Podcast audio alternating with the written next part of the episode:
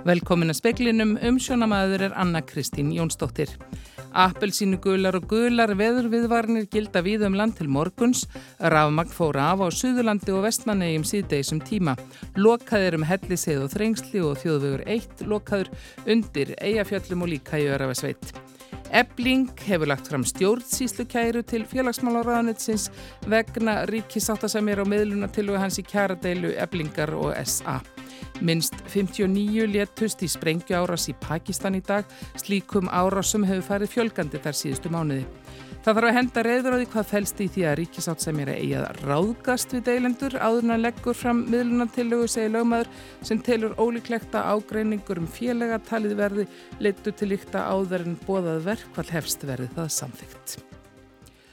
Austanstormur með snjókumur er skollina á landinu sunnan og vestanverðu. Það er appelsínugul viðvörni gildi frá vestfjörum, suður og austum í landinu alltaf djúbhói að höfuborgarsvæðinu undanskildu.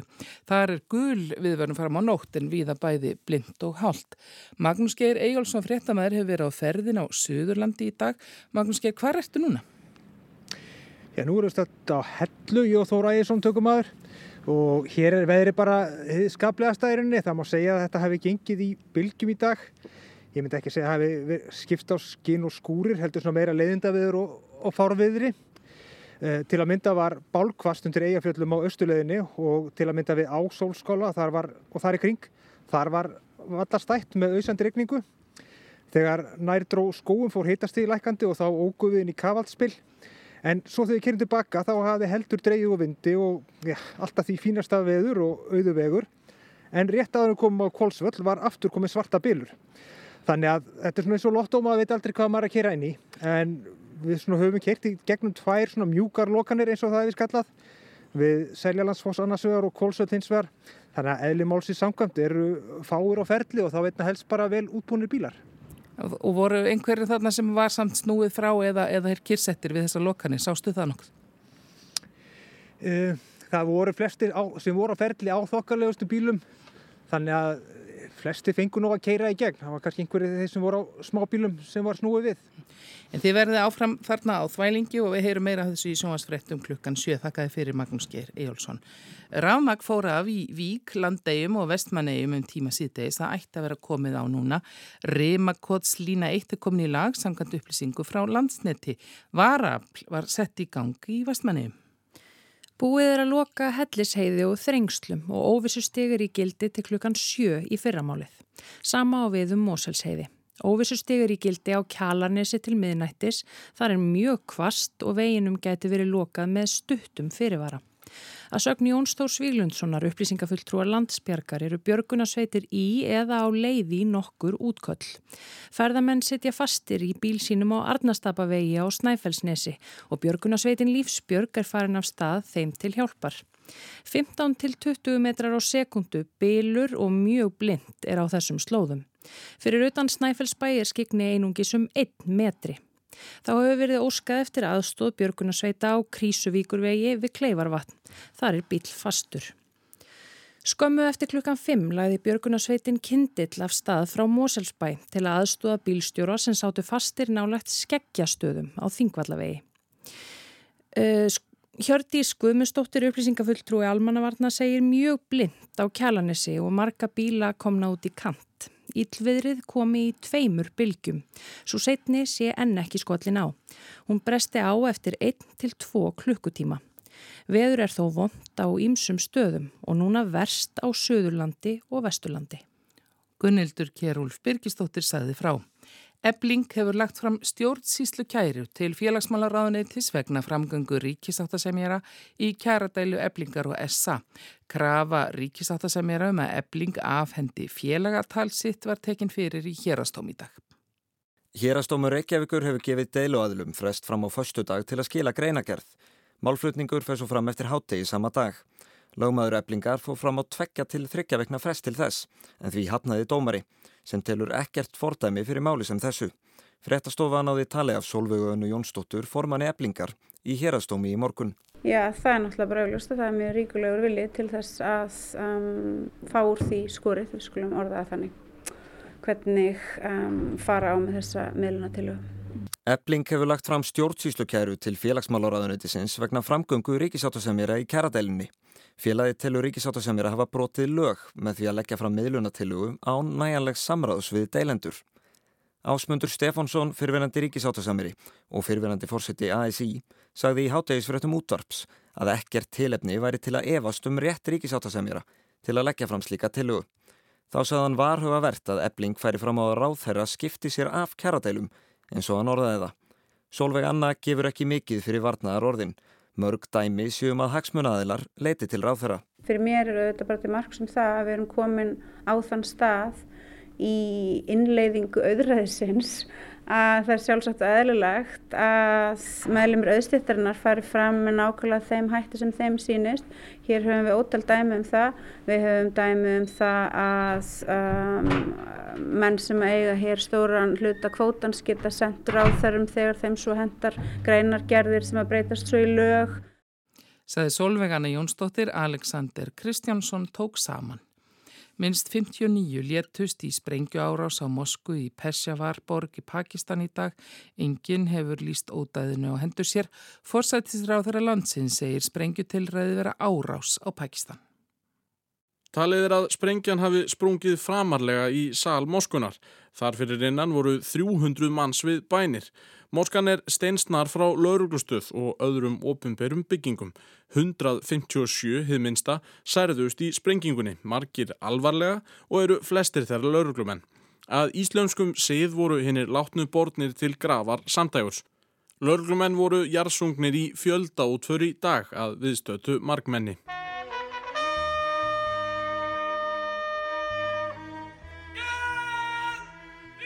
Árásun í dag var eins og mannskeiðasta sem hefur verið gerð í Pakistan síðustu ár. Engin hefur enn líst yfir ábyrð á ódæðinu en árásum vigasamtaka hefur fjölkað eftir að Talibanna náðu völdum í nákvæmnaríkinu Afganistan í ágúst 2021 og eru þær algengar í borginni Peshawar sem er ekki íkja langt frá landamærunum að Afganistan. Talibanar í Pakistan aðhyllast sömu hugmyndafræði og talibanar í Afganistan og vilja steipa ríkistjórninni af stóli og taka völdin í sínar hendur. Shebas Sharif, fósittisráður af Pakistan, heimsótti borgina í dag. Á Twitter segir hann var að koma frá Peshawar, ekki er hægt að ímynda sér þann harmleik sem þar hefur orðið. Þetta er engum minna en árás á Pakistan. Þjóðin öll finnur nú til mikillar sorgar. Sjarif ítrekkaði svo að hann telti hriðjuverk vera helstu og við þjóðuröryggi í landinu. Ottur Þórðarsson sagði frá. Vinna er hafinn við úttækt á stöðu fjarskiptamála á Vesturlandi, tryggja á betur öryggi íbúa og ferðamann á sveiðunu. Framkvæmdastjóri samtaka sveitarfélaga á Vesturlandi sér að víða séu gloppur í sambandinu og úr því verði að bæta. Pál Brynjarsson, framkvæmdastjóri samtaka Sveitarfélag á Vesturlandi, segir að víða sé pottur brotinn þegar að kemur að fjarskiptasambandi á Vesturlandi. Nú eigi að gera útækt á stöðunni og skoða hvar fjarskiptagloppurnar eru, bæði á þjóðvugum og inn til sveita. Reknað er með að niðurstöður útæktarinnar leggji fyrir í byrjun mæ. Og við erum líka láta að skoða hvernig higgjast fjarskiptafélagin bregðast við þessari stöðu sem er og, hérna, og skoða líka hvort að fjarskiptasjóður sé að fara að styðja við einhver verkefni okkar svæð. Þannig að við erum í raun og veru að láta vinna úttekt sem að gera það verkum að, sveitarfélagin á Vesturlandi og samtök sveitarfélag við höfum betri upplýsingar í höndum og eigum auðveldara með að sækja fram varandi þau verkefni sem þarf að fara í og þær útböttur sem við þurfum að láta gera hér á Vesturlandi. Pál segir öryggi íbúa og ferðamanna á svæðinu í fyrirúmi og þetta sé eitt liður í að tryggja það. En mynduru segja að þið teljið öryggi íbúa og ferðamanna ógnaða einhver leiti núna? Ég ætla ekki að taka svo djúft í árin að segja að því sé ógnað en eins og ég segi það getur verið betra og það þarf að vera alveg fullkomið. Sagði Pál Brynjarsson, Amanda Guðrún Bjarnadóttir talaði við hann.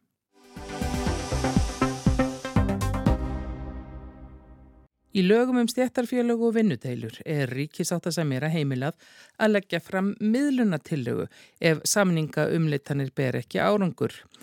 Tillögun á svo að bera undir launafólk og atvinnureikandu til samþykis eða sinjunar og þar segir líka að sáttasemjara beri að ráðgast við samninganemdir áður en ber fram miðlunatillögu. Á fymtudaginn kynnti ríkisáttasemjari slíka tilugu henni ætlaði að leysa kjaradeilu eblingar og samtaka aðtunlífsins. Kjarasamningur þeirra rann út um mánamótin oktober-november og ekki hefur náðst saman. Atkvaða greiðslum ótímabundna vinnustöðun 7. februar hjá eblingarfélögum sem vinna hjá Íslandshóttilum líkur í kvöld. Miðlunar tillegan felur í sér að samningur samhljóða þeim sem félög innan starfskreina sambandsins gerði við ESA í byrjun desember og gildi frá 1. november verði bornundir bæði ESA og eblingarfélaga. Svo atkvæðagreisla átti að hefjast á lögadaginn og ljúka á morgun en hún er ekki hafinn því að félagatal í eblingu hefur ekki fengist afhengt og því ómögulegt að framkvæma atkvæðagreisluna. SA hefur afhengt síngögn. En begja vegna bors brúðust menn hart við gjörðum ríkisáttasemjara. Ebling hefur krafist þess að ráð þeirra beiti sér gegninni og sagt hana ólögmæta, ekkert samráð hafi verið haft. Ríkisáttasemjari hefur leitað til dómstóla til að fá félagatalið afhengt. Hérastómur Reykjavíkur gefið deilendum frest fram á förstu dag til að skila greinagerð og þá hefur ebling lagt fram stjórnsíslu kæru til félagsmála ráðnitsins vegna framgöngu ríkisáttasemjara. Það er óhætt að segja að allt sé málið í hörðum nút. 35 miðlunatilugur hafa verið lagðar fram á um 40 árum þar að segja frá því að heimil til að leggja slíkt fram var gefin um þriðjungur miðlunatilagnuna hefur verið feldur. Gísli Tryggvason lögmaður tók þátt í því þegar vinnulögjöfni var breytt 1996. Hann segir engan vafaleik á því að ríkisáttasemjari sé bær til þess að setja fram miðlunatilugu. Það er ekki markleisa þegar hann gerir það. Síðan má deila um tvent þar að segja hvort að formið eða aðdrandin er lögmætur og hvort að efnið e, stennst og það er svona líklegra að dómari finni að forminu eða aðdrandunum heldur en efninu. Það er mjög sjálfgeft að dómstólar treysta sér til þess að fjallum efnis innihald stjórnvalds ákvarðana eins og þetta telst vantilega að vera. En það hefur komið fram efasemt um hvort að aðdrandin hafi verið lögmætur hvort að ríkisáttsamari hafi gert það sem kallaði ráðgast við aðila áður en hann gerði þetta. Og þar segir ekki hann eða tilkynnaði um þetta heldur ráðgast sem er svona eitthvað sem minnir á samráð. Og samráð er miklu meirinn að tilkynna. Þá á að hlusta á aðila og hugsanlega taka einhverja aðra ákurun það má ekki bara vera tilkynning rétt að hann maður skellir einhver á borðið eða í fjölmila Gísli telur það að ráðgast fel í sér meira en samningafundi og sátta umleitan sem á undan fór. Ég tólka þetta orð sem er svona frekar sjálfgeft og er búið að vera í lögum í yfir 80 ár þannig að það sé verið að tala um að ráðgast um það atriði hvort að eiga setja fram miðlun til og ekki bara ráðgast svona almennt um málinn eins og hann er auðvitað búin að gera mikið og lengi. Þannig að mér finnst, eins og ég segi, líklega dómari eða dómstólar, þannig að þetta getur fyrir fyrir landsriðt líka, Eh, fjallum það hvort að aðdrandin hafi verið lögmættur og hvort að miljón til að hann er þar með lögmætt þó hún sé sett fram á réttum aðila. En það er ólíklegt að domstólar fjallum efnisatriði eins og tímasetningu sem margir hafa efast um og, og er svona meira politist, það sem kallaði frjálst matstjórnvalda og, og það er líka ólíklegt að dómari hafa einhverja skoðun á því hvort að sátta sem að hafi gengið og langt í því að hafa skoðun á hvað séu góð kjör, þar á meðal afturvirknu annað, Þa, þar fannst mér sátt að sem er í ganga svolítið langt í að hafa skoðun og því sem að stéttafélög eiga að hafa skoðun á og félagsmenn stéttafélag hvað er best og hvað er nógu gott og hvað er betra. Norræna hefðin sé svo að það sé ekki lögjafa eða stjórnalda að fjalla um kjörfólks á almennum vinnumarkaði. Heldur sé það aðila á vinnumarkaðri sjálfra og helst án afskiptaríkisins það er ekki hlutverk ríksins að um, afstýra því sem sumum finnst mjög leðilegt að það verði átök á vinnumarkaði. Eh, það er til dæmis eh, launglaga hefð fyrir því að lögregla skipti sér mjög lítið af átökum, jável líkamlegum átökum í vinnudeilum af því að þetta tala svo mikilvægur réttur. Þannig að þó að lögreglan er almennt að halda upp í lögum og, og reglu sko, þá gerur hún það til dæmis heldur minna í uh, verkvöldum í gengum söguna þannig að stjætta átök eru eitthvað sem að hvað sé að mm, á að fá að spilast eftir leikreglunum og með sem minnstum afskiptum, ekki auðvitað engum, en sem minnstum afskiptum hins ofinbera. Það er á meðal sátta sem er að. Og einn ángi þessa máls er fyrir hér að stóma eins og áður sæði, það er átökum aðgangað félagatalieflingar svo hægt sé að fara í atkvæðagreislu um miðlunatiljóðina. Og ef að ebling hefði rétt fyrir sér um að þetta væri markleisa hjá uh, ríkisátsamira þá myndi dómari sjálfsagt bara hafna uh, beðni ríkisátsamira um að fá félagatalið. En það er nú ekki svo, þannig að mér er nú alveg hugsanlegt að dómari uh, leggja þá skildur og herðar eblingu að sé, leggja fram félagatæli í einhverju formi nefnann fallist á að þetta sé ólumætt út af aðdraðandornum til dæmis. Sátta sem er hefur hins vegar enga sérstaklega heimil til þessi lögum að fara fram á þetta með einhverju insetningagerð en mér finnst nú líklegt að dómar í telli hann hafa aðildamálun og hafa heimil til þess að fara þessa leið Þannig að það er alveg hugsanlegt að sko domstólar fallist á þessa beini eh, sátta sem er að lókum nema þeir fallist á að, ráð, að samráði hafi verið ónótt og þá getur þetta verið um gard gengi að einhver leiti og verkvall hafi þannig að verið svolítið sent kannski. Og verði verkvallsbúðin samþygt í dag og það hefjast á þriðutæn eftir viku ólíklegt að ágreiningurinn um félagatalið verði þá til líkta litur þá getur ebling vantilega kert úrskurð ef að dómari fælst á innsetningar beinina eða, eða eh, beinu aðfæragerina skulle segja. Og þá getur ebling kerta til landsréttar það tekur einhver tíma. Svo þarf að framfylgja úrskurðun með ef hann verður eblingu í óhag með atbyrna síslumans og, og, og lauruglu jável þannig að þetta er mjög uh, óheflegt og, og hérna ekki dýst hvernig þetta fer allt saman En til þess að fella miðlunatilugu þarf meiri hluti greittra atkvæða að vera á móti og fjöldi þeirra meir en fjórðungur atkvæða sangkvæmt félagaskrá. Ég held að það hvað þröskuldurinn er hár eh, muni hafa áhrif á matdómara á yngrippinu. Þetta er yngripp af því að þröskuldurinn er svo hár þannig að þetta er valdbóðs yngripp í frjálsan samningsrétt og þess vegna skiptir máli uh, að tólka þetta í ljósi stjórnarskrár og og náttúrulega þeirra stöðu að það þarf að aðfenda félagatali til þess að atkvæðagreislan eh, færi fram. Þannig að status quo er það sem að stundum hefur áhrif á lagastöðu þar að segja hver er með félagatali, það er ebling. Það er ekki sátta sem er í. En það verður deilt bæðum sönnunaratriði, hvað var sagt og hvenar og lagatriði, hvað þarf að uh, gera þegar stendur áðgast. Það er hugsalega mitt á milli þess að hafa samráð og að tilkynna það er kannski eitthvað minna en samráð en það liggjast fyrir margar dómsúrlustnir þar og meðal vinnumarkastómsúlsins eh, félagsdóms um að samráð þurfa að vera meira, það þarf að gefa færi á annari niðurstu heldur en lögður í drögað. Saði Gísli Tryggvason.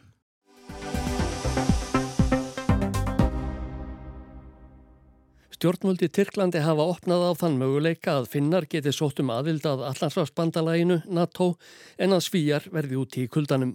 İcabında Finlandiya ile ilgili farklı bir mesaj verebiliriz. Ve Finlandiya ile ilgili farklı mesajı verdiğimiz zaman İsveç şok olacak. Ama Finlandiya'da aynı yanlışı yapmaması lazım. Ef aðstæður leifa getur við sendt finnum annur skilaboð og þegar finnar fá þessar frettir á það eftir að nexla svíja en þá mega finnar ekki gera sömu mistökin, sagði Recep Tayyip Erdogan fórseti í gerðkvöld á fundi með stuðningsfólki sínu. Tyrkir hafa til þessa líst sig andvega því að svíjar og finnar fái aðvilda NATO. Þeir eru æfir yfir því að láreglan hafi ekki komið í vekk fyrir að sænsk-danski öfgamaðurinn Rasmus Paludan kvekti í kóraninum utan við sendir á Tyrklands í Stokkólmi fyrir í mánuðinum. Emt hefur verið til mótmælafunda í Tyrklandi og fleiri íslömskum ríkjum vegna þessa og fólk hvað til að sniðganga sænskar vörur og fyrirtæki. Í nokkrum tilfellum hefur fólki verið ráðið frá því að ferðast til Svíþjóðar, annara Evrópuríkja og Bandaríkjana vegna andúðar þjóðana á múslimum.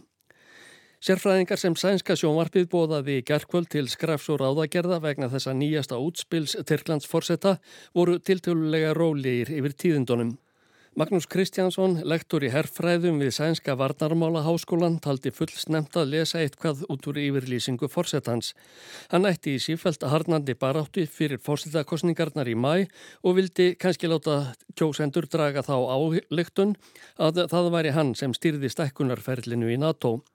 Í því ljósi mætti álygta að orð fórsetans væru til innanlands brúks. Ég tolkar það som veldig eh, inrikespolitiskt betonat.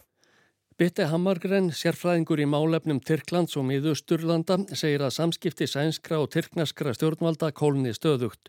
Þau séu þó ekki komin allarleiði fristinn miða við yfirlýsingu fórsetans í gerkvöld. Kostningabaráttan séu honum erfið en nái hann endur kjöri í mæ kunni að koma annað hljóð í strokkin. Men eftir valet, om hann då lyckas hålla sig kvar så kan det bli ett annat tonläge. Stefna finsku stjórnarinnar vegna umsóknarferðlisins í NATO er óbreytt að því er Pekka Hævistó greindi frá á fundi með frettamönnum í Helsingi í dag. Síðustu tíu mánuði hefðu svíjar og finnar unni saman að því að fá aðild að bandalæginu. Sverige är Finlands närmaste partner inom säkerhets- och försvarspolitiken. Finlands linje har inte ändrats.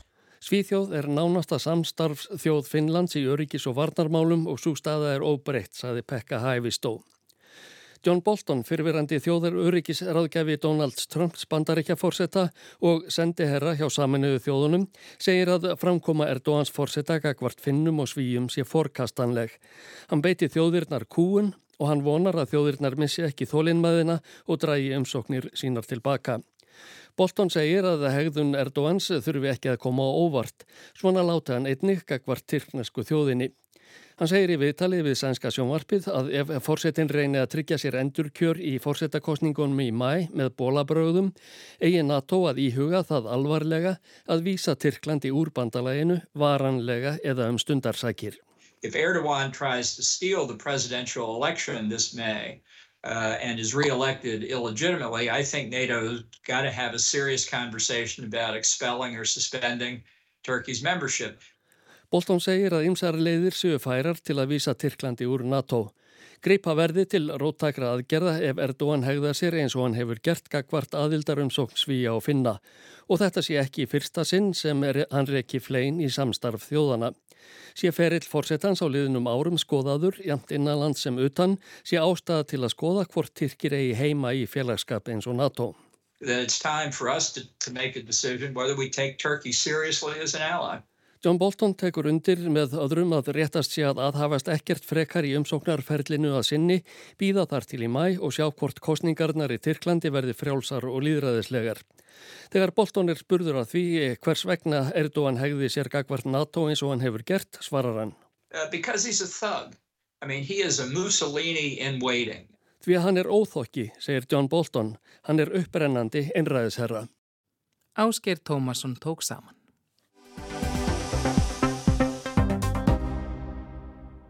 En er verðbólgu draugurinn komin á kreik?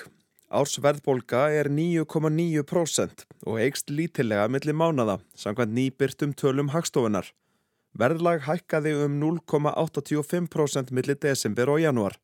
Þingst vegur 2% hækkun matvælaverðs millir mánada, 5,5% hækkun áfengis og tópaks og næri 10% hækkun á nýjum bílum. Ímsar skatta og gjaldskrárbreitingar taka gildi um áramót sem skila sér í verðbólgu tölum í januar. Verðbólga er nú jafnhá og hún var í júli. Hún hafi hjaðna lítið eitt en hefur hækkað á ný síðustu tvo mánuði. Ástæjan í Sigurðardóttir er sérfræðingur í vísitöludeild hagstofunar. Á hverju byggist þessi mikla verðbólga nú? Það sem er kannski helst sérstækt núna er að það er ekkert eitt sem drýfur þessa verðbólgu áfram. Heldur er hún samsett bara af mjög mörgum liðum sem eru svona eiginlega teika allstæðar. Það er alltaf bent á stríðið að það sé aðal orsakavaldurinn. Er ykkur aðri þættir sem eru að sækja í sig veðri núna aðrir en stríð? Mm, það er sko alltaf erfitt að greina nákvæmlega orsakafliðingu. Það sem fyrst kom inn, sem kannski ítt þess að staði í byrjun var, var húsnæðisleiðurinn sem við sáum rúka upp og ég held við getum nú alltaf tengt að við beint við stríðið í, í Ukraínu en eins og ég segði áðan að þá eru núna liðirnir að týnast til hver á fætur öðrum og það gæti hluta til verið strísátt á hrif, hluta til afleitar breytingar eða bara eitthvað eitthvað allt annað. Þetta er ekkert svona eitthvað eitt sem við getum fest hendur á sko. Staða krónunar, er hún eitthvað að hafa áhrif að hana? Hún spila náttúrulega alltaf inn í en þetta er ekki bara hækkun í innflutningliðum heldur líka innlendum þannig að allavega beint er það ekki eini áhrifavaldurinn. Verðbólgan í janúar er nokkuð hærri en greiningar deildir bankana höfðu spáð. Bæði Íslandsbanki og Landsbankin spáðu því að verðbólga myndi lækka í janúar en ekki hækka eins og raunin varð. Helsta orsök þess að verðbólga var meiri en spáð var er hækkun á verði nýra bíla. Þeir hækka um tæp 10% á milli mánada og hafi ekki hækkað svo mikið í verði síðan 2008. Þessar miklu hækkanir má að stórum hluta rekja til breytinga á opimberum göldum sem tóku gildi um áramótin. Nú er ég náttúrulega ekki sérfæðingur í því hvernig greiningadildin er spá eða ákverðu það er byggðu þetta en svona lauslega þegar ég ber saman veist, það sem þær voru spá og það sem við sjáum svo núna er að það bara munir í mörgum liðum. Þú veist, þetta er aðeins verra hér um byrja allstæðar. Þannig ég held að sé ekkert eitthvað svona eitt sem hafi afvegarlegt á heldur er þetta bara því miður svona heilt yfir öllu vera. Svona litla skekkjur sem verða að einni stóri? Mér sýnist það já, allavega í nokkrum liðum. Mm -hmm. Það er ekkert eitthvað bara eitt. Og Sælabankin hann er búin að vera að reyna að stíga á bremsur hagkerðarsins undanfærið með því að hækka stýrivexti. Hafa aðgerðir Sælabankans skila til allir um árangri eða þarf meira að koma til svo að verðbólkjarn takja hérna almennilega? Það er aftur eitthvað sem ég kannski ekki endilega sérfræðingur í. Það sem ég get sagt er að verðbólkan er allavega ekki hérna enn sem komið er en það sem fór fyrsta stað eins og við tölum aðan með húsnaði þegar það raugu upp að það hefur hægt verulega þar á og við vorum til dæmis að mæla e, lækkun á markasverði núna. Þannig að það er algjörlega breyting hvort það muni duga eða áframhaldandi, hvaða áhrif áframhaldandi aðgerir hafa, það verður eiginlega bara svolítið að koma í ljós. Ef þú skoða tölurna sem er að koma núna, hvaða hreyfingar er að verða inn í þessari verðbólku? Sker eitthvað sig úr núna í þessum tölum með að við áður? Sko, janúar er alltaf alltaf sérstakur af því að í janúar gerist margt sem gerist kannski bara einu sinni og tvísvara ári og það eru gjaldskerar hækkanir eh, hjá aðalega þá stopnunum sem kannski breytast bara í janúar og svo hugsanlega september eða, eða eitthvað svo leiðis, líka á sveitafélagunum og, og, og svo leiðis og eh, skattbreytingar koma oft inn um áramótin og þær geta haft áhrif á vísitöluna og svo er eh, þessar ástíðarsveiflu sem við sjáum uh, af því að það er oft lækkun í janúar og júli út af útsölum. Það hefur mikil áhrif núna og það sem hefur líka áhrif til lækkuna núna er flugið. Að verð á flugi hækkar í desember þegar er rosalega mikil eftirspurn og það lækkar talsveit mikið í janúar og það er svona svolítið típist. Þannig að það er eiginlega ekki gott að skoða bara janúar einn og sér, það er ekki típisku mánuður en við getum kannski búið saman við janúar í fyrra þess að fá svona hugmyndur um árstaktin eða, eða, eða einhverjum svona þróun. Mm -hmm. Og hvað sjáum við þeim samanbyrju með janúari fyrra? Uh, janúar núna er verði heldur en janúari fyrra. Uh, Verðbólka núna er ekki dreyin uh, áfram af húsnæðinu eins og í fyrra. Heldur eru bara svona margir aðri liðir að tikka inn og þeir bara sapnast saman. Og svo er það matarkarfan. Hún verður sífælt dýrari. Frá því í desember hefur hún hækkað um 2%. Greiningadeildur landsbankans segir að þetta sé fjórðu mánuðurinn í röð sem matarkáran hækkar umfram spá þeirra. Mestu muni þar um að mjölk, ostur og egg hækkuðu um 4,4% en verðlagsnefnd búvara tilkynntu um hækkuna á verði mjölkur til bænda í januar.